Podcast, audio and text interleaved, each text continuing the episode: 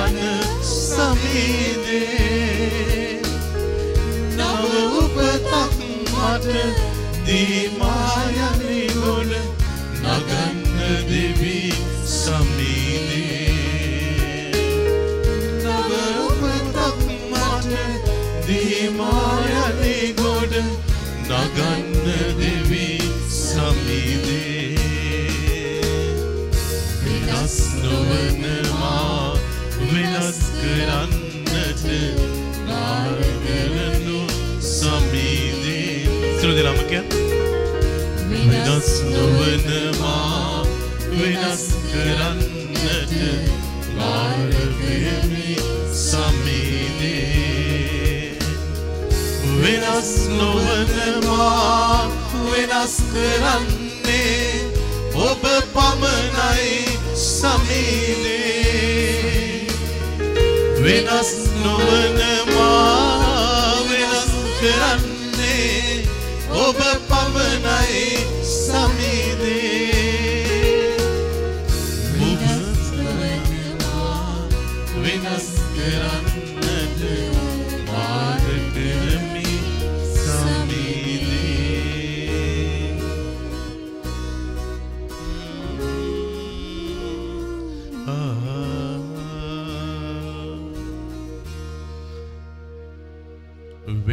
නොවෙනමා වෙනස් කරන්නේ ඔබමයි සමිදේ.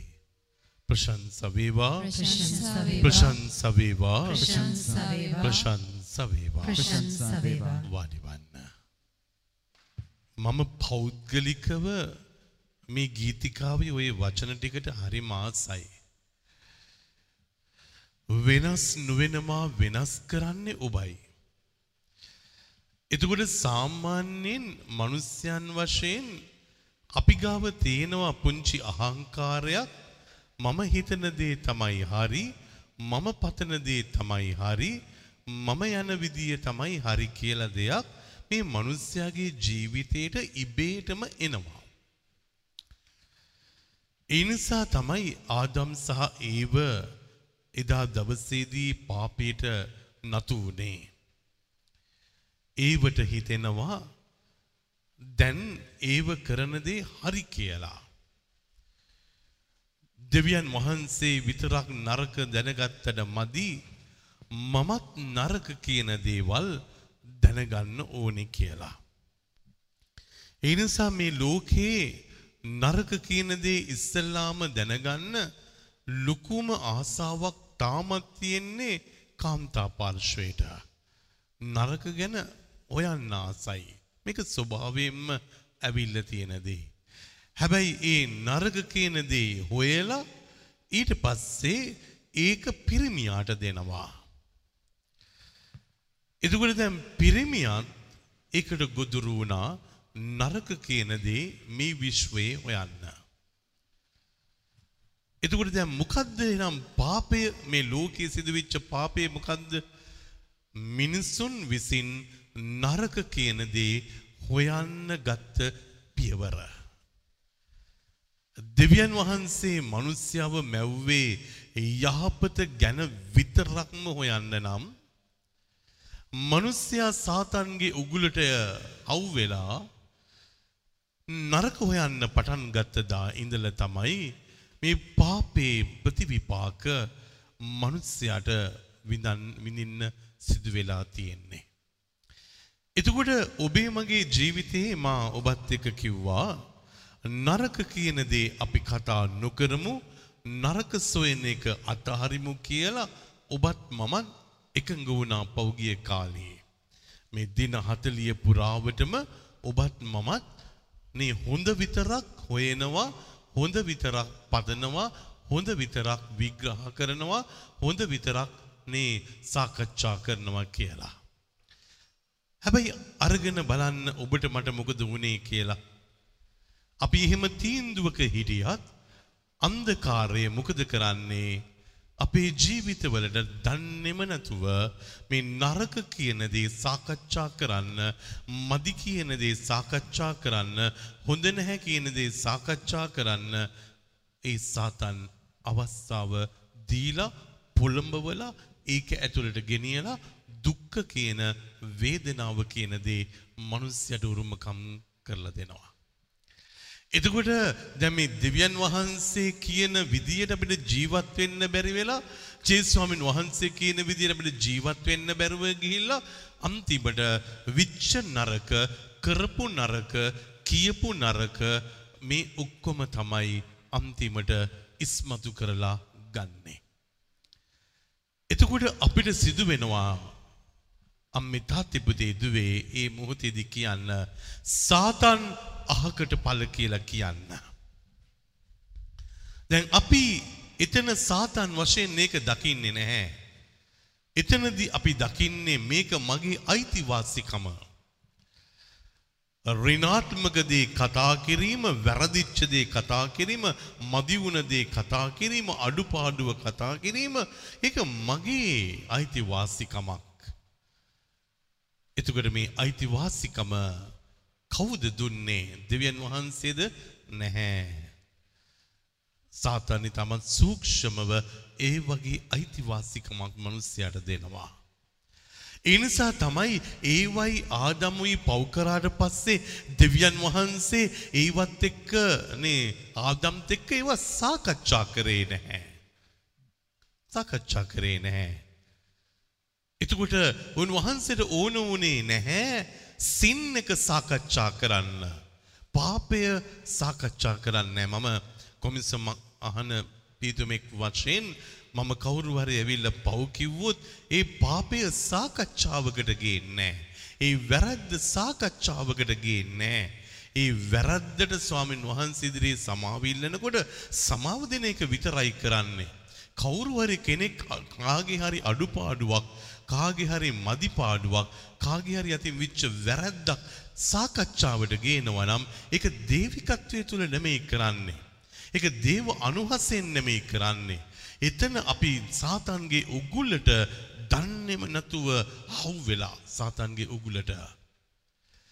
ඒ නිසා රටනමේ තාත්තිපුතීදුවේ ස්වාමින් වහන්සේ අද ඔබට මට මේ වගේ පාටියක් කියවන්න කියනවා. ගීතාවලියේ එකසිය හත. ගීතාවලියේ එකසිය හත පෙරල ගන්න.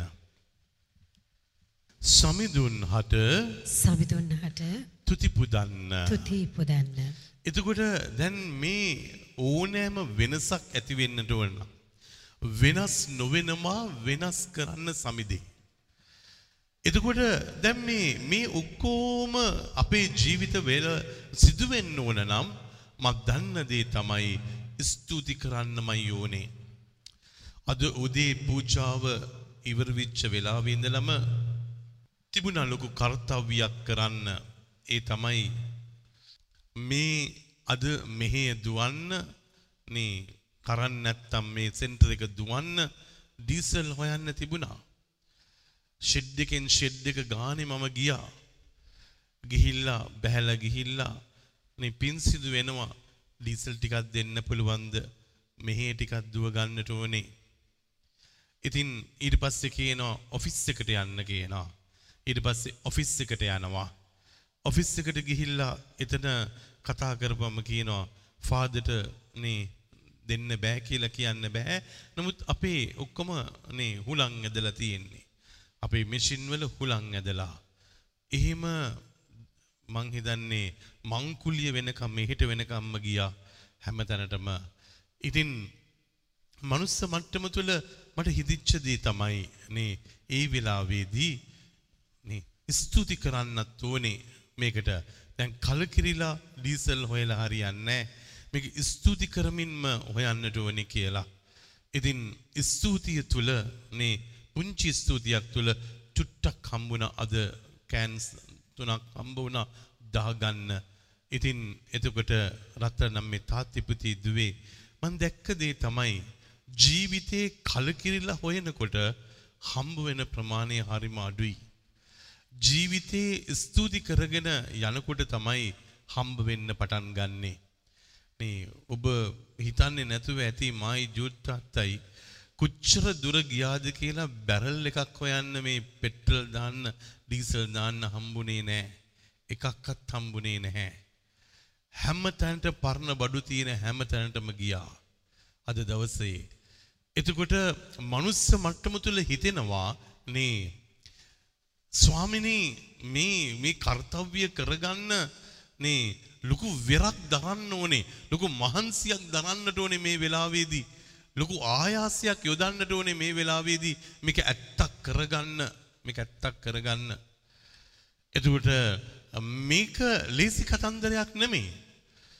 එතකොට මං හිතපු දේ තමයි වෙනස් නොවන මාව වෙනස් කරන්නට ඕනේ මම වෙනස් වෙලා නැහැ මාවයි මේ වෙනස් කරගන්නට ඕනේ.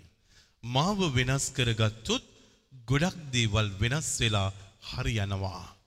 මම හිතන විදිය, මගේ අසතුට, මගේ කලකිරීම, මගේ එපාවීම, මගේ කේන්තිය, මගේ වෛරය මේක මගේ ජීවිතය ඇතුලේ තියෙන තාක්කල් මං කොච්චර ගව් ගානක් ගියත් මට හම්බෙන්නේ නැහැ.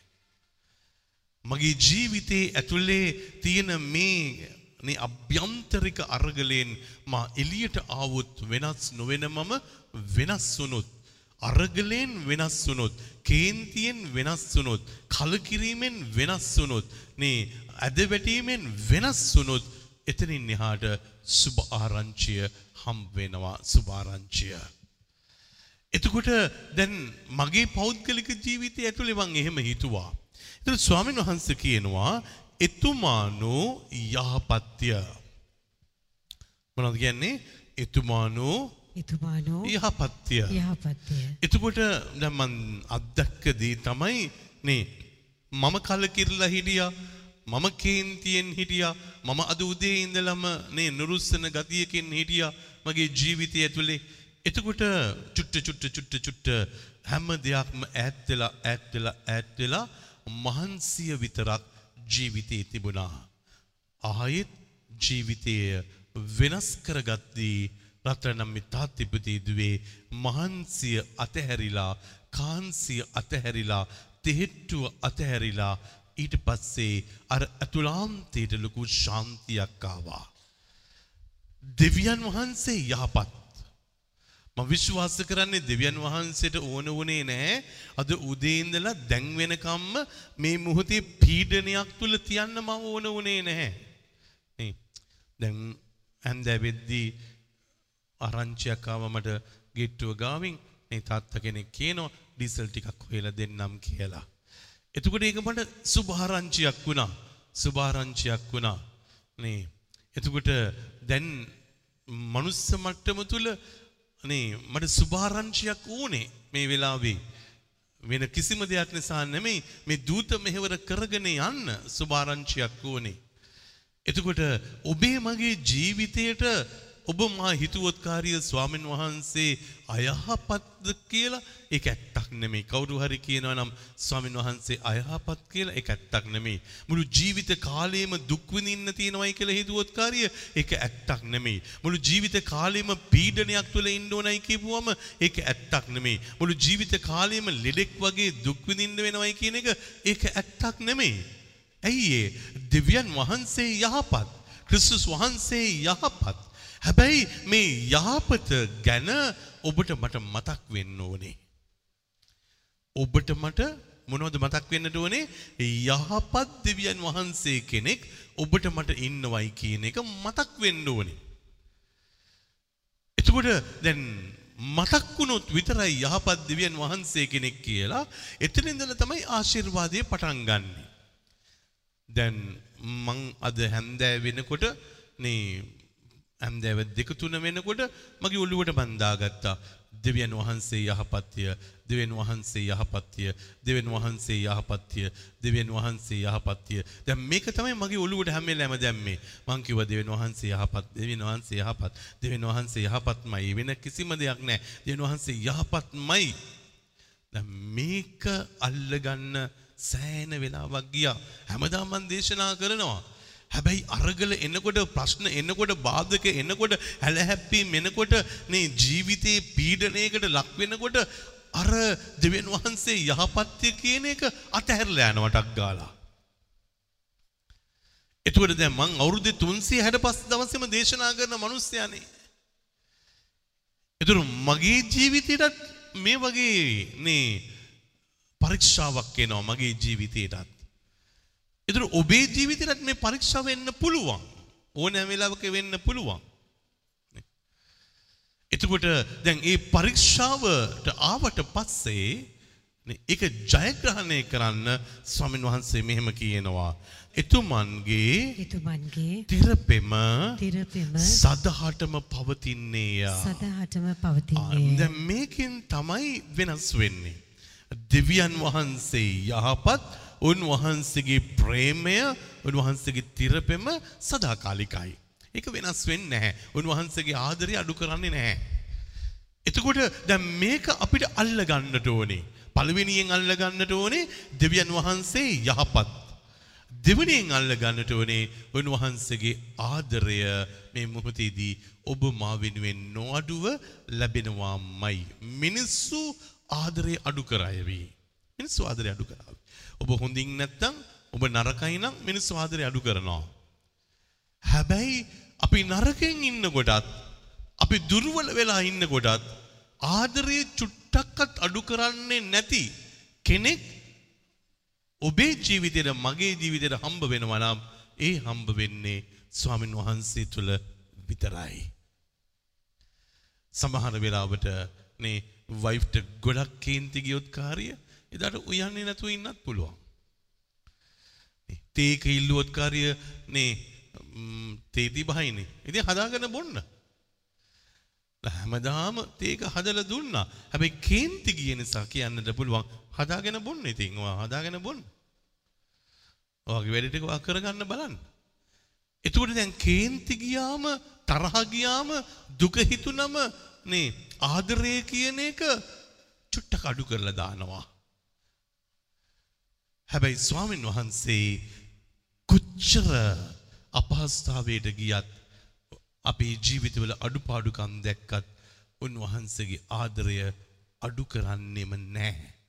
ඒ නිසා මෙහෙම කියනවා මොනවද කියන්නේ?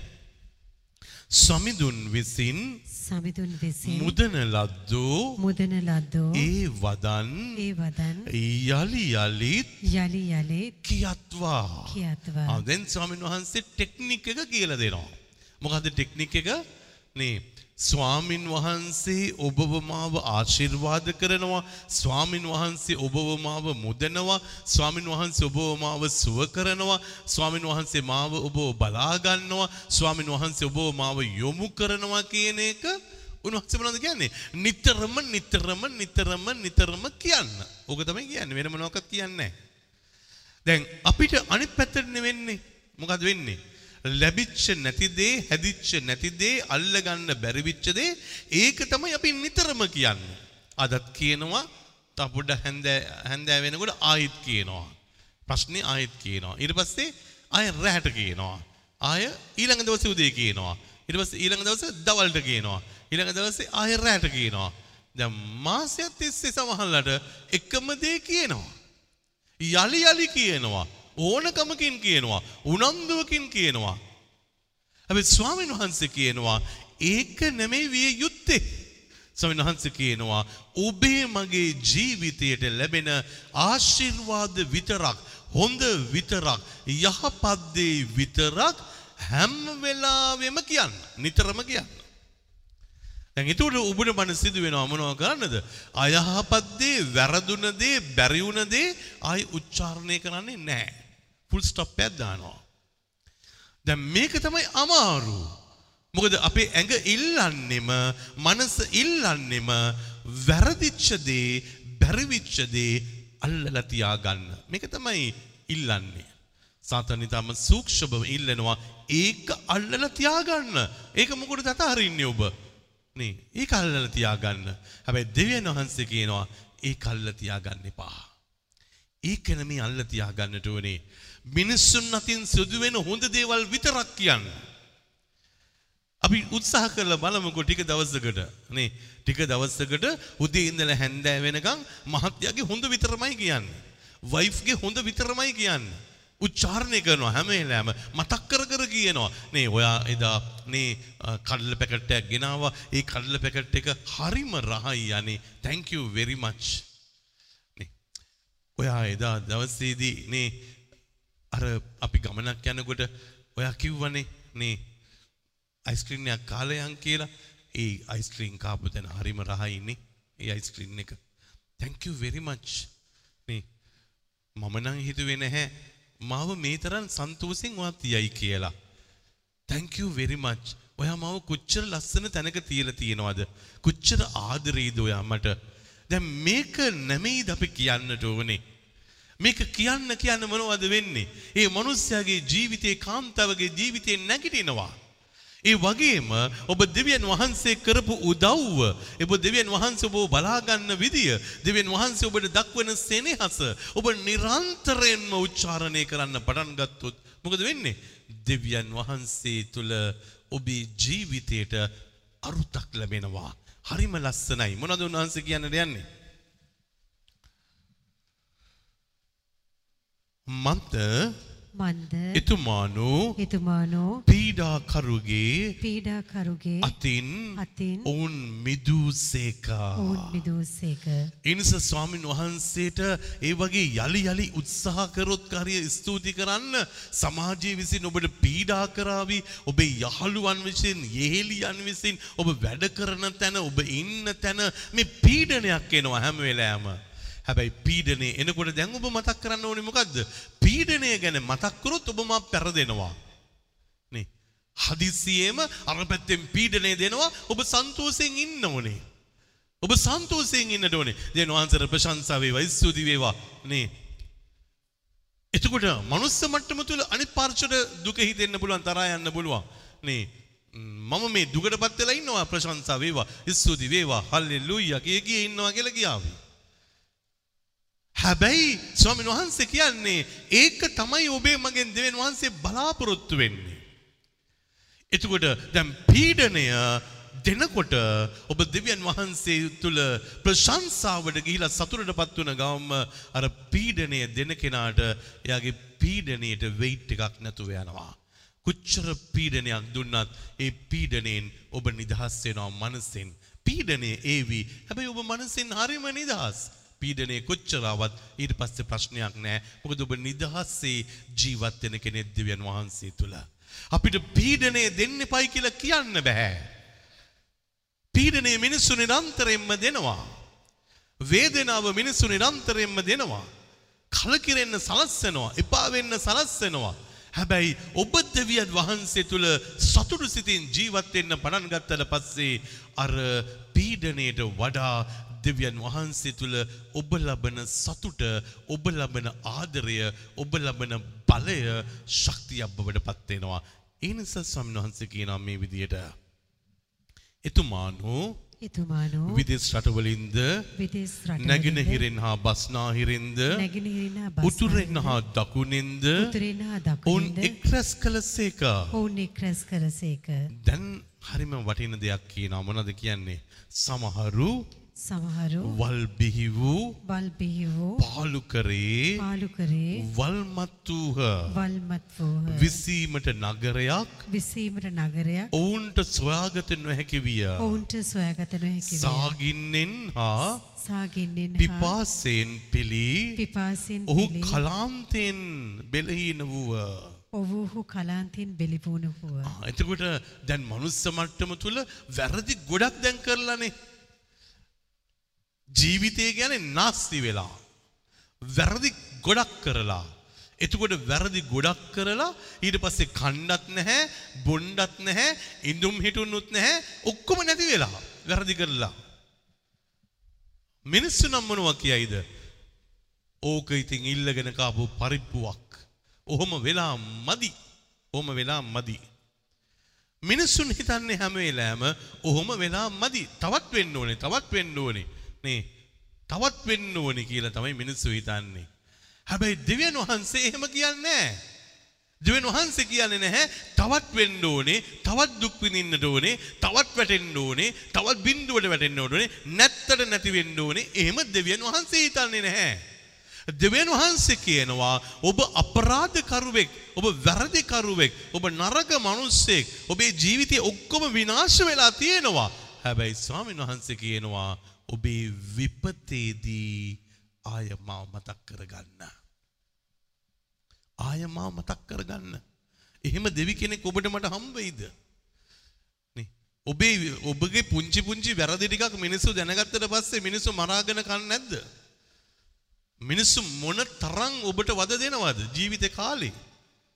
එතුර ස්වාමීන් වහන්සේ කියනවා ඔබ මොන තත්ත්වය තුළ බැරෑරුම් තැනක හිටලා ඔබේ ජීවිතේ බින්දුවට වැඩිච්ච මොහොතේදීත් ස්වාමීන් වහන්සේ කියනවා එවිට එවිට ඔහු තම විපතේදී ඔහු තම විපතේ සමිඳුන්ට මොර ගැසූහ. සමිතුන්ට මුරගැස එතුමානෝ එතුමානෝ ඔවුන්ගේ විපතින් ඔවුන්ගේ විපතින් ඔවුන් මුදාගත්සේක. ඔවුන් මුදාගත්සේක. ප්‍රශංසා වේවා. ප්‍රශංසා ප්‍රශංසා වේවා. ප්‍රශංසා වේවා. මේක. තමයි මේ ධර්මයේ තුල තියෙන ලස්සන. හැබැයි මිනිස්සු ලියාගත්ත ධර්මයක් තියෙනවා. මිනිස්සු හදාගත්ත ධර්මයක් තියෙනවා. නේ වැරද්දට දඬුවම් ලැබිය යුතුමයි. වැරද්දක් කරොත් දඬුවම් ලබන්නට ඕනේ ඒගොල්ලෝ. ඒක තමයි මිනිස්සු හිතාගෙන ඉන්න විදිය. හැබැයි දෙවියන් වහන්සේ කියන්නේ ඔබ වැරදි කරලා ඇත්තයි. මං ඔබට සමාව දෙන්න ලෑස්ති නිසා මං ඔබේ වැරද්ද ගණන් ගන්නේ නැහැ. මං ඔබේ වැරද්ද ගැන සාකච්ඡා කරන්නේ නැහැ. මං ඔබේ වැරද්ද උලුප්පලා පෙන්නේ නැහැ. මං ඔබේ වැරද්දට කිසිම ආකාරයෙන් බලයක් කවන්නේ නැහැ. වැරද්දට බලයක් කවන්නේ නැහැ. ස්වාමීන් වහන්සේ කියන්නේ ඔබ ඒ වැරද්ද නිසා දුකෙන් නම් දැන් ඉන්නේ. ඔබේ ජීවිතේ හෙම්බත් වෙලා නම් ඉන්නේ මට කතා කරන්න. මං ඔබට උදව් කරනවා. එතකොට හොඳට ඉන්න මිනිස්සුන්ට පොඩි කේන්තියක් යනවා. නැද්ද? නාස්තිකාර පුත්‍රයාගේ උපමාවයි අයියාගේ උපමාවයි අරගෙන බලන්න ඒ ඒ කතන්දරය තුළ මොකද වුණේ කියලා. දැන් අර නැත්තට නැති වෙලා කුණු වලේ ඉඳගෙන ඌරු කොටුවේ ඉඳගෙන නේ හිටපු කෙනා එනකොට දැන් අයියා මොකද කියන්නේ? අයියා කියනවාද? මාරයිනේ මල්ලි ආවනේ. නේ සල්ලාල වැඩ කරා නැති වුණා. ඌරු කොටුවේ හිටියා. මල්ලි ආවා. නියමයි තාත්තේ කියලා කිව්වද? නැහැ. කියනවා අපි මෙච්චර හොඳට හිටපු අය අපිට සලකන්නේ නැද්ද? මට පාටියක් දාන්න දුන්නේ නෑනේ මට වස් එක්ක දුන්නේ නෑනේ මට කිසිම දෙයක් තිබුණේ නෑනේ මං හොඳට හිටපු කෙනෙක්නේ එතකොට තාත්තා කියනවා හොඳට හිටපු නිසා මේ ඔක්කොම ඔබේ හොඳට හිටපු නිසා. හැම එකක්ම ඔබේ තමයි. බය වෙන්න එපා. එතකොට දැන් අපි හැම වෙලාවෙම මේ පරිස්සම් වෙන්න ඕනේ. දැන් හොඳට හිටපු අය ඔබට මතකද දන්නේ පෞගිය දවසක මම ස්වාමීන් වහන්සේ මට මතක් කරලා දුන්නා රැයක හරි උදේක හරි කිව්වා මේ නරකට හිටපු කෙනෙක් හොඳ වෙන එක ගැන දෙවියන් වහන්සේ සන්තෝසයි. හැබැයි ස්වාමීන් වහන්සේ ගොඩක් කල කිරෙන්නේ හොඳට හිටපු කෙනෙක් පලිගන්න වැරදිකරොත් පලිගන්න වැරදිකරොත් ඒක දෙවියන් වහන්සේ ඉවසන ප්‍රමාණය හරිම අඩුයි. හොඳටන ඉන්නේ හොඳට ඉන්න කෙනා වැරදි කරන්න පටන් ගන්නවා. එතුර දෙවියන් වහන්සේ ඒ නිසා කියන්නේ නැහැ ඔක්කොමලා වැරදි කර කර ඉන්න වැරදි කර කර වැරදි කර කර ඉන්න කියලා. ස්වාමීන් වහන්සේ කියන්නේ හොඳට ඉන්න අය තව හොඳ කරන්න වැරදි කරලා තියෙන අයත් හොඳ කරන්න පටන් ගන්න. මේක තමයි ස්වාමීන් වහන්සේගේ ධර්මය. වැරදි කරලා තියෙන අය හොඳ කරන්න පටන් ගන්න. හොඳ කරන අය තව චුට්ටක් හොඳ වැඩියෙන් කරන්න. ඒක ඇතුළෙන් කොහේවත් කියන්නේ නැහැ. ඔබ වැටෙන්න, ඔබ පව් කරන්න, ඔබ දුර්වල වෙන්න, කැමැති කැමැති විදියට පව් ටික කරන්න මම ඉන්නවනේ ඔබ ඔබ බේරගන්න. නෑ, එහෙම කියලා නෑ. නිසා වරදව තීරුම් ගන්න එපා. නැත්තම් කාරිය ඔබ මා පුංචි නේ අවස්ථාවක් හදා ගන්නවා. thank you very much lord. නේ වැරදි කරන්න ඔබ වහන්සේගේ chance එකක් තියෙනවානේ. එහෙනම් අද ඉඳලා මම වැරදි කරගෙන කරගෙන කරගෙන කරගෙන යන්නම්. නියමයිනේ. ඉතින් කවදා හරි ඔබ වහන්සේ මම නිදහස් කරන නිසා මම වැරදි කරනවා. plan කරලා කරනවා වැරදි. ස්වාමීන් වහන්සේ එහෙම කිව්වේ නැහැ. ඒකයි වෙනස. ස්වාමීන් වහන්සේ කියනවා කවුරු හරි වැටිලා නම් ඉන්නේ මේ වෙලාවේ. නේ ධර්මය තුල නෙමෙයි ආදරය තුල නෙමෙයි දැන් මේ සෙනෙහස තුල නෙමෙයි දැන් මනුස්ස මට්ටම තුල වැටිච්ච කෙනෙකුට තමයි මේ දෙවියන් වහන්සේ කියන්නේ වැටිච්ච කෙනාට කියනවා ඔබ වැටිච්ච වලේ ඉන්න ඕනේ නැහැ ඔබ වැටිච්ච වලේ ඉන්න ඕනේ නැහැ ඒකයි උන්වහන්සේ කියන්නේ දැන් මිනිස්සු කියන්නේ එයා වැටුණා නම් එතනම හිටපු දෙන් එයාට බැරි වුණා නම් එතනම තමයි. එයාගේ ජීවිතය නාස්ති කරගත්තා නම් ඉතින් අපි කවුරුත් කරන්න දෙයක් නැහැ. ඉතින් එහෙමම හිටපු දෙන්. ස්වාමීන් වහන්සේ එහෙම කියන්නේම නැහැ. ස්වාමීන් වහන්සේ කියන්නේ හැම වෙලාවෙම ඔබ වැටලා නම් ඉන්නේ ගණන් ගන්න එපා. දැන් යන් යන් යන් යන්. කම් කම් කම් කම්. මේක තමයි ස්වාමීන් වහන්සේ තුල තියෙන්නේ. ඒ තුල ස්වාමීන් වහන්සේ මෙහෙම කියනවා. මොනවද කියන්නේ?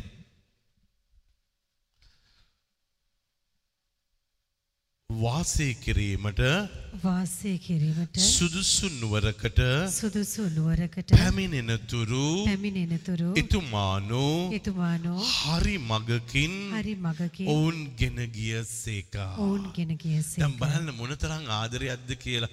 නේ දැන් එතකොට උන්වහන්සේ කියනවද ඔබේ විපත්තියෙන් මම මුදවනවා කියලා විතරක් කිව්වද? නැහැ. ස්වාමීන් වහන්සේ කියනවා I am going to direct you I am going to lead you I am going to take you. ඒක තමයි කියන්නේ. නේ උන්වහන්සේ කියනවා ඔබට මඟ පෙන්වන්නම් ඔබට මාවත කියලා දෙන්නම් ඔබ මං අරගෙන යන්නම්. නේ ඔබට ජීවත් වෙන්න පුළුවන් ලෙවල් එකකට මං ඔබව ගේන්නම්. මම හිතන්නේ මිනිස්සු එහෙම කියයිද? පව් කරාට පස්සේ වැරදි කරාට පස්සේ අඩුපාඩුකම් අවු වුණාට පස්සේ ඔබේ ජීවිතය ඇතුලේ බිඳුවට වැටුණාට පස්සේ කියනවද? යන් යන් යන් මං ඔයාව ලස්සන තැනකටපත් කරනවා. මං හොඳ තැනකට ඔයාව ගේනවා. එහෙම කියනවද මිනිස්සු? නැහැ. මගේ මූණවත් බලන්න එපාය පැත්ත බලහත ගන්න එපා. මිනිස්සු එහෙමයි ඉන්නේ. එතකොට දැන් රත්තරන් මේ තාත්ති පුතේ දුවේ දෙවියන් වහන්සේගේ ආදරය කාට හරි මේ දින 40 හවු වුණා නම් කවදාක්වත් ආය මේ ස්වාමින් වහන්සේව දාලා යන්නේ නැහැ. ජේසුව දාලා යන්නේ නැහැ. මොකද ජේසු කියන කෙනා දෙවියන් වහන්සේ කියන කෙනා ශුද්ධාත්මයන් වහන්සේ කියන ඒ අත්දැකීමට ගියොත් ශුද්ධ ත්‍රිත්ව එක අත්දැකීමකට කවුරු හරි ගියොත් කාර්ය එයාට ආය මේ ස්වාමින් වහන්සේව අමතක කරලා දාලා යන්න බෑ. මොකද ඒ තරමට උන්වහන්සේගේ ආදරය ප්‍රබලයි. ආදරය ප්‍රබලයි. ඒ නිසා තමයි ස්වාමීන් වහන්සේ කියන්නේ මං ඔබේ බැරි කාලයේදී මං ඔබව අරගෙනම යනවා. මං අරගෙනම යනවා. බැරි කාලයේදී හලල යනවක් නෙමෙයි කියන්නේ. පව් කරපුවාම මං ඔබව හලල යන්නන්න නෙමෙයි කියන්නේ. මම ඔබව එක්කරගෙන යන්නම්. මං එක්කරගෙන යන්නම්. ඔබ කැමති නැද්ද මේ වගේ දෙවි කෙනෙක් ගැන? මනම් මන්නම් හරි මාසයි දෙයියනේ. මං හරි මාසයි නේ මේ වගේ දෙවි කෙනෙක් මගේ ජීවිතයට හම්බ වෙච්ච එක ගැන මං හරිම ආසයි. මොකද මාව හලන්නේ නැතුව ගෙනියනවනේ. මාව දාලා යන්නේ නැතුව ගෙනියනවනේ. මගේ අඩුපාඩුකම් දැනගෙන, මගේ දුර්වලතාවයන් දැනගෙන, මගේ නොහැකියාව දැනගෙන, මගේ තියෙන මේ බිඳුවේ ජීවිතයේ දැනගෙනත් මේ වගේ ආදරවන්ත ස්වාමින් වහන්සේ කෙනෙක් තාමත් මගේ ජීවිතය ශුද්ධවන්ත වේවි අද අද ශුද්ධවන්ත වේවි හෙට ශුද්ධවන්ත වේවි කියන මහා බලාපොරොත්තුවක් තියෙනවනේ ඔබ ගැන බලාපොරොත්තුවක් නැද්ද මේ ස්වාමීන් වහන්සේට? ස්වාමීන් වහන්සේට බලාපොරොත්තුවක් තියෙනවනේ. ඒ නිසා ස්වාමීන් වහන්සේ කියන්නේ ඔබ මොන වලේ හිටියත් කමක් නැහැ මොන තත්වයේ තුල හිටියත් කමක් නැහැ. මම ඔබව ශුද්ධවන්ත නගරයකට ගෙනියනවා. ශුද්ධවන්ත තැනකට ගෙනියන තාක්කල් මම ඔබත් එක්ක ඉන්නවයි කියලා කියනවනේ. I am going to be with you. මිනිස්සු එහෙම කැයිද? නැහැ. මිනිස්සු අතහැරලා දානවා. දෙවියන් වහන්සේ දුබලකම තුළ රැඳිලා ඉන්නවා. රැඳිලා ඉන්නවා. එතකොට මොනවද උන්වහන්සේ කියන්නේ? උන්වහන්සේ මෙහෙම කියනවා. සමිඳුන්ගේ සමිඳුන්ගේ තිරපෙම ගැනද තිරපෙම ගැනද මිනිස්සුන්ට කළ මිනිස්සුන්ට කළ පුදුම දේ ගැනද පුදුම දේ ගැනද ඔහු ඔවෝහු එතුමන්ට එතුමන්ට පැසසුම් කරත්වා. පැසසුම් කරත් ප්‍රශංසා වේවා ප්‍රශංසා වේවා ප්‍රශංසා වේවා දැන් මේක. තමයි දෙවියන් වහන්සේ බලාපොරොත්තු වෙන්නේ එතුල් මොනවද දෙවියන් වහන්සේ බලාපොරොත්තු වෙන්නේ මිනිසුන්ට කරපු දේවල් ඔබට කරපු දේවල් ඔක්කොම මතක් කර කර මතක් කර කර ඒ දෙවියන් වහන්සේට ස්තුතිම කරන්න ප්‍රශංසාම කරන්න උන්වහන්සේ නමදින්න උන්වහන්සේ මහිමයට පත් කරන්න ඉතින් මේක තමයි ස්වාමීන් වහන්සේ ඔබෙන් මගෙන් ඉල්ලන්නේ. ඒ නිසා රත්තරනම් මේ තාත්තිපති දුවේ ඔබට මට කිසිම අඩුවක් ස්වාමීන් වහන්සේට තියන්න ඕනේ නැහැ. කිසිම අඩුවක්. ඒ අඩුව වෙනුවට ස්වාමීන් වහන්සේ හැම වෙලාවෙම ආශිර්වාද මාලාවක් ඔබේ මගේ ජීවිතයට ලැබෙන්න සලස්සනවා. මගේ පෞද්ගලික ජීවිතය තුළ මා අත්දැක්කේ නම් එහෙමයි. ස්වාමින් වහන්සේ තුළ හැමදාම විශ්වාසය තබන නිසා උන්වහන්සේ උදේ ඉඳලා හැන්දෑ වෙනකං ලස්සන ගමනක් අරගෙන යන්න උන්වහන්සේ මාවත හදල දෙනවා. ඉතින් මේක නිසා නේ මටනම් කවදක්වත් හිතිලා නෑ නේ මේ වගේ ස්වාමින් වහන්සේ කෙනෙකුට කැප වුණාට වඩා හොඳයි නේ ලෝගුව ගලවල දාලා ඔළුව හැරුණතේ යනවයි කියලා. එහෙමනම් ජීවිතේටත් හිතෙන්නේ නෑ.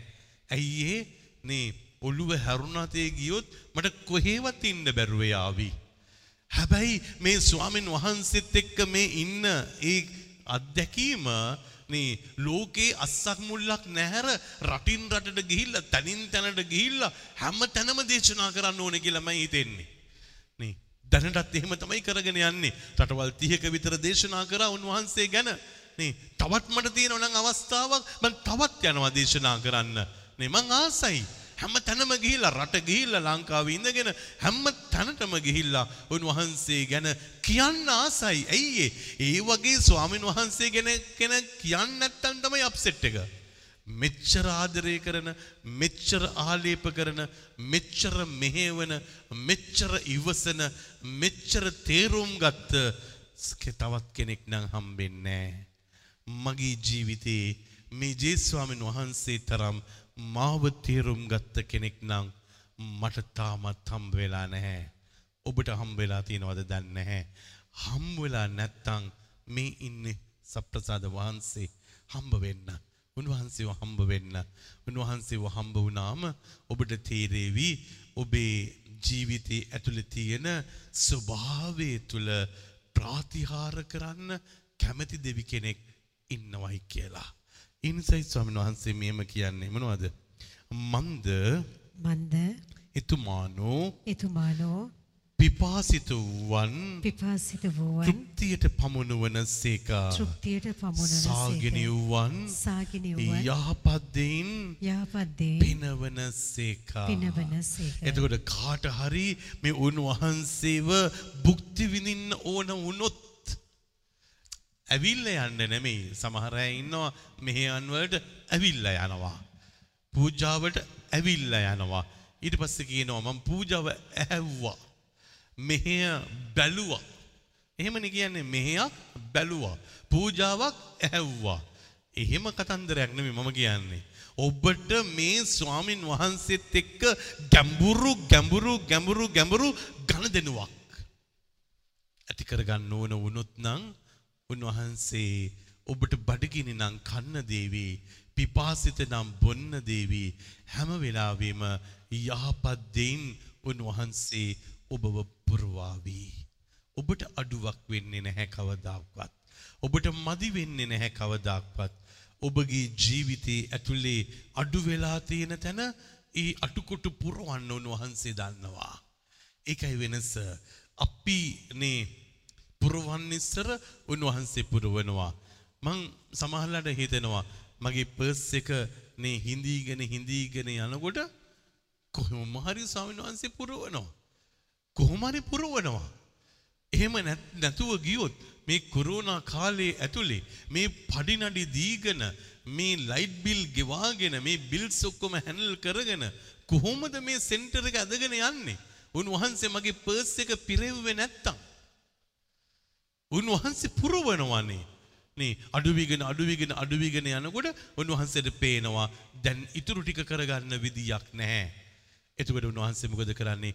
කාව හරි ලව්වලා කීයක් හරි දෙනවා. කීයක් හරි දෙනවා.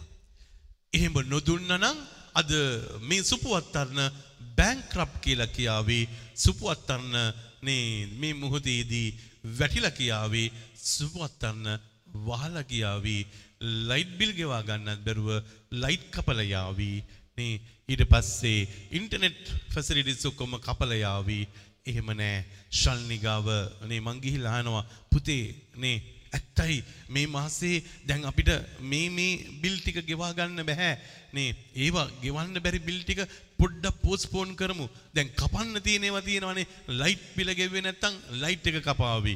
ටෙලිෆෝන් බිල් ටික ගෙව්වේ නැත්තම් කාරි ඉන්ටර්නෙට් ඊට පස්සේ අපිට මේ මෙහෙවල් යවන්න බැරුව යාවි. ඒ නිසා කොහොම හරි මේව ටික ගෙවාගෙන යමු ඉස්සල්ලාම. ඊටු ටික ආයෙත් සල්ලි ටිකක් හම්බ වුනම ආයෙ ඒ ටික ගෙවමු. ඔෆිස් එකට ගිහිල්ලා මම ළඟ ඉඳගෙන එයාව ඩිරෙක්ට් කරන්නේ එහෙමයි. මේක ගෙවමු මේක පහුවට දාමු. නේ අරයා තව පොඩ්ඩක් කල් ඉඳීනේ. එයාගේ තව චුට්ටක් කල් ඉඳලා දෙමු. හැබැයි ස්වාමීන් වහන්සේ තුල කාගේ දෙන්නතු ඉඳලා නැහැ. කොහොම හරි දෙන්න තියෙන හැම එකක්ම දුන්නා. අද වෙනකන් දීගෙන යනවා. තවත් දෙන්න තියෙනවා. ඒවත් දෙනවා අම්මයි ඒවත් දෙනවා අම්මයි ඒ නිසා නේ ආදරම්මේ තාත්තිපති දුවේ දෙවියන් වහන්සේ ඔබේ මගේ අටුකොටු පුරවාවි. මේ මේ වෙලාවේ නේ ඔබට මා කියන්නේ ස්ප්‍රිතාලේ ප්‍රොජෙක්ට් එක යනවා. ඒ වගේම මුන්දල මේ ප්‍රොජෙක්ට් එකේ අර ඉතුරු කොටස කරගෙන යනවා. මේ ඔක්කොමත් කරගෙන යනවා කොහොම හරි කොහොම හරි අමාරු කාල පරිච්ඡේදයක්. හැබැයි ස්වාමීන් වහන්සේ පොඩ්ඩ පොඩ්ඩ පොඩ්ඩ පොඩ්ඩ සපයනවාමයි හැම එකක්ම කරලා දුන්නමයි. ඉතින් ඒ නිසා මම විශ්වාස කරන්නේ මම වගේ දුර්වල මිනිස්සෙකුට මම වගේ නේ පුද්ගලයෙකුට දෙවියන් වහන්සේ මෙච්චර ආදරය කරන්නේ ඇයි? එහෙම අහන්න හිතෙන්නේ නැද්ද? ඔබට අහන්න හිතෙන්නේ නැද්ද? ඔබ වගේ කෙනෙකුට මෙච්චර ආදරය කරන්නේ ඇයි කියලා මන්නම් මං අහනවා. ස්වාමිනී මං වගේ මිනිස්සෙකුට ඔබ වහන්සේ මෙච්චර ආදරේ ඇයි? මෙච්චර ආදරේ ඇයි? ඔබ වහන්සේ මං ගැන මෙච්චර විශ්වාසයක් තබන්නේ ඇයි? මගේ මෙච්චර නේ ජීවිතයේ අඩුපාඩුකම් තියෙනකොට ඔබ වහන්සේ ඇයි ආදරය කරන්නේ කියලා ඇහුවත් උන්වහන්සේ කියන්නේ මම ඔබට ආදරෙයි එච්චරම තමයි තියෙන්නේ. ඒ නිසා රත්නම් මේ තාත්ති පුතේ දුවේ ඔබේ ජීවිතෙත් අහලා බලන්න ඇයි ජේසුනි මට මෙච්චර ආදරේ කියලා. එතකොට උන්වහන්සේ ඔබටත් කියලා දේවි ඒ ආදරය උන්වහන්සේ අඩු කරන්නෙම නැහැ. මදි වෙන්න ඉඩ තියන්නෙම නැහැ. අටුකුටුව පුරවනවම්මයි මදි තැන උන්වහන්සේ හදනවම්මයි බැරි වුණ තැනට උන්වහන්සේ අලුත් අරුතක් ජීවිතයට දෙනවාමයි එහෙනම් හිමින් සීරුවේ අපි ඇස් දෙක වහගෙන ඉමු ටික වෙලාවක් මතක් කරලා බලන්න. යලි යලි උන්වහන්සේගේ යහපත විතරක් කියන්න. මිනිස්සුන්ට වැරදුණු තැන මතක් කරන්න එපා. බැරි වුණු තැන මතක් කරන්න එපා. දේවිකත්වය කියන්නේ ඊට වඩා වෙනස්. හොඳ දේ විතරක් මතක් කරන්න. කරපු යහපත විතරක් මතක් කරන්න. වරප්‍රසාද විතරක් මතක් කරන්න. යහගුණයන් විතරක් මතක් කරන්න. පුළුවන්ද ඔබට එවැනි අධ්‍යාත්මයක් ගොඩනගා ගන්න. අධ්‍යාත්මයක් ස්පිරිචුවල් ලයිෆ් එකක්. ඒ ස්පිරිචුවල් ලයිෆ් එක ඔබට හම්බ වුණ දාට ඔබට තේරේවි. ජීවිතේ මොන තරම් ලස්සනයිද? හරිම සැහැල්ලුයිනේ දුක්විඳින්න කිසිම දෙයක් නැහැ. කලබල වෙන්න කිසිම දෙයක් නැහැ. අරගල කරන්න කිසිම දෙයක් නැහැ. සණ්ඩු කරන්න කිසිම දෙයක් නැහැ. කේන්ති ගන්න කිසිම දෙයක් නැහැ. ජීවිතේ තෙහෙට්ටු කරගන්න කිසිම දෙයක් නැහැ අපි විසින් ඇති කරගත්තොත් මිසක දෙවියන් වහන්සේ අපිව තෙහෙට්ටු කරන්නේ නැහැ. උන්වහන්සේට තෙහෙට්ටු කරන්න ඕනේ නැහැ. අපේ අඩුපාඩුකම් උන්වහන්සේට පේනවා. අපේ මදි පාඩුව උන්වහන්සේට දැනෙනවා. අපේ නොහොම්බිනාකම් උන්වහන්සේට හැඟෙනවා. හැබැයි උන්වහන්සේ වැරද්ද උළුප්පන්නේ නැතුව ආදරය වැඩි කරනවා. ආදරය වැඩි කරනවා. ඒකයි මේ වෙනස. මිනිස්සු වැරද්ද උළුප්පනවා දෙවියන් වහන්සේ ආදරය උළුප්පලා ගන්නවා. ඉනිසා අතාරින්න එපා. මේ වගේ ස්වාමින් වහන්සේ කෙනෙක්ව අතහරින්න එපා. මේ වගේ ස්වාමින් වහන්සේ කෙනෙක්ව දාලා යන්න එපා. ඔබගේ తాවකාලික සුඛ වින්දනයක් නිසා, తాවකාලික සතුටක් නිසා, తాවකාලික ප්‍රයෝජනයක් නිසා, తాවකාලික ඔබට ලැබෙන්නට තියෙන වාසියක් නිසා කිසිම දවසක මේ වගේ ස්වාමින් වහන්සේ කෙනෙක්ව නම් දාලා යන්න එපා. අතහරින්න එපා පුතේ. දාලා යන්න එපා පුතේ. දාලා යන්න එපා. දාලා යන්න එපා. එහෙනම් අපි සියලු දෙනා නැගිටිමු. අපි නැගිටිමු. උන්වහන්සේට කියමු අපි දාලා යන්නේ නැහැ ස්වාමිනේ. අපි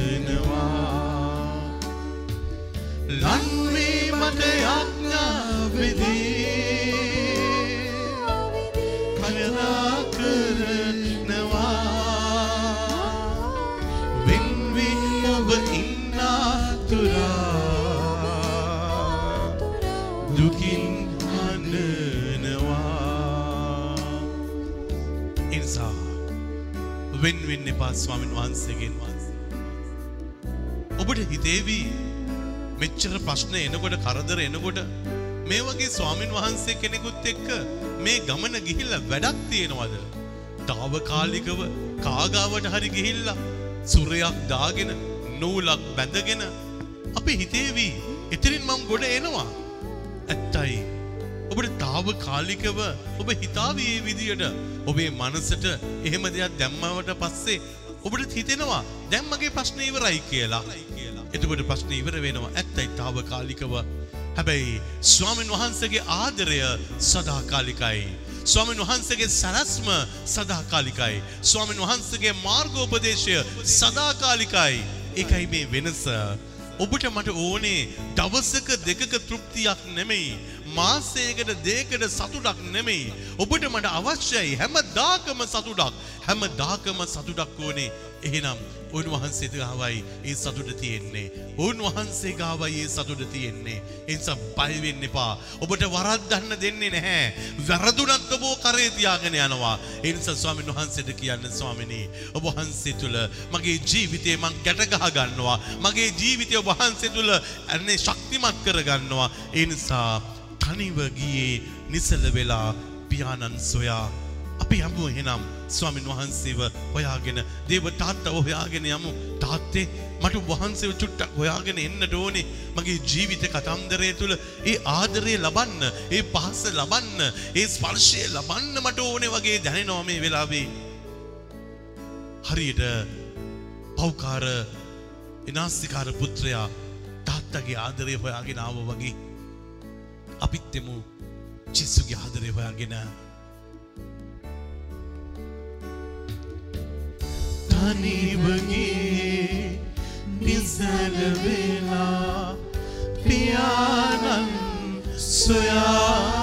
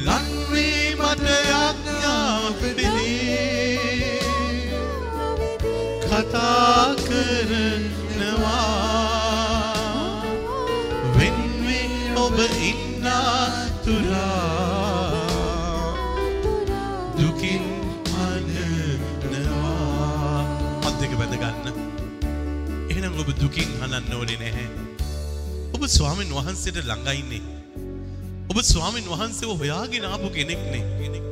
එතකොට උන්වහන්සේ කියනවා ඔබගේ නගරයට මම ගෙනියනවා. ඔබ යා යුතු තැනට මම ගෙනියනවා. ඔබ පත්වෙන්න ඕන තැනට මම ගෙනියනවා. එතනද බාධක තියෙන්නට පුළුවන්. හැබැයි මං ඔබ අත්හරින්නේ නැහැ. ඔබව දවසින් දවස අරගෙන යනවා. මොහොතින් මොහොත අරගෙන යනවා. ඔබේ ජීවිතය මමයි ගෙනියන්නේ. ඒ නිසා මට ගෙනියන්න ඉඩ දෙන්න. ස්වාමීන් වහන්සේ ඔබගෙන් ඉල්ලනවා මට ඔබව අරගෙන යන්න ඉඩ දෙන්න. මට අරගෙන යන්න ඉඩ දෙන්න. ඔබගේ විපත්තියේදී ඔබ මට මොර ගහපු නිසා ඔබගේ බැරිකමේදී ඔබ මොර ගහපු නිසා ඔබේ අඩුපාඩුවේදී ඔබ මොර ගහපු නිසා ඔබේ පාපේදී ඔබ මොර ගහපු නිසා මං ඔබ අත්හරින්නේ නැහැ. එකයි වෙනස. උන්වහන්සේ කියන මං අත්තරින්නේ එච්චරයි ඕනේ. ඒ සුභාරංචි බල්ල ගන්න. උන්වහන්සේ මාව අත්හරින්නේ නෑ. මගේ ප්‍රශ්නයට වඩා විසඳුම ඉක්මනට එනවා. ඒකයි වෙනස. ප්‍රශ්නය ආවටත් වඩා ඉක්මනටම විසඳුම එනවා. රෝගේ ඇතිවුණු කාලයට වඩා ඉක්මනටම සුවය ලැබෙනවා. කලකිරීම ඇතිවුණු කාල පරිච්ඡේදයට වඩා ඉක්මනටම ඔබගේ සිතට සහනය ලැබෙනවා. එක තමයි දෙවෙන වහන්සගේ ආදරයා. එක තමයි දෙවෙන වහන්සගේ ආදරයා. එහෙනම් වහල්ල තියෙන දොරවල් විවෘත කරාවී. ඔබට මෙච්චර කල් වැහිල තිබිච්ච තැන්. ඔබට විවෘත කරලා දේවී.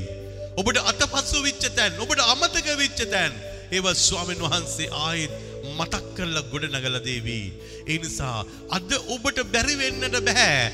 අද ඉඳලා ඔබට පුළුවන් වෙනවා. අද ඉඳලා ඔබට හරියනවා. අද ඉඳලා ස්වාමීන් වහන්සේ කලට වෙලාවට හැම දෙයක්ම ඔබේ ජීවිතේ ඉෂ්ට කරලා දෙනවා. ඒක තමයි ඇදහිල්ල. ඒ නිසා අදහන්න ස්වාමීන් වහන්සේ කලට වෙලාවට උන්වහන්සේ ඉෂ්ට කරලා දෙනවා. ඒක ඇතුලේ උන්වහන්සේ කිසිම දවසක පෝස්ට්පෝන් කරන්නේ නැහැ. අපි තමයි පෝස්ට්පෝන් කරන්නේ. අපි අද දේ හෙටට දානවා. හැබැයි ස්වාමීන් වහන්සේ අද දෙන්න තියෙන දේ අද දෙනවා.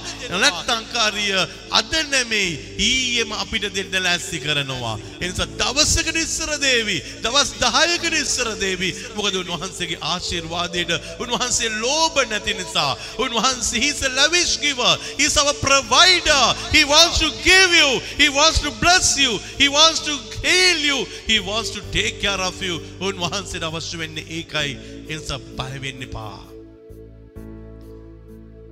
ඔබ වහන්සේ මගේ දෙවිඳුන් නිසා මට දැනුණා ඒ ශක්තිය ස්වාමිනී. මට දැනුණා ඒ බලය. ඒ නිසා මට ඔබ වහන්සේ ඉදිරියේ සතුටින් අද දන ගහන්න පුළුවන්. මට ඔබ වහන්සේ ගොඩක් ආදරේ කියලා දැනුණා. Thank you Jesus. ස්තුතියි ජේසුනේ. සුදී ස්වාමිනේ ස්තුතියි ස්වාමිනේ. සුදී ස්වාමිනේ ප්‍රශංසා වේවා. ප්‍රශංසා වේවා ප්‍රශංසා වේවා. ප්‍රශංසා වේවා ආමේන්. ආමේන්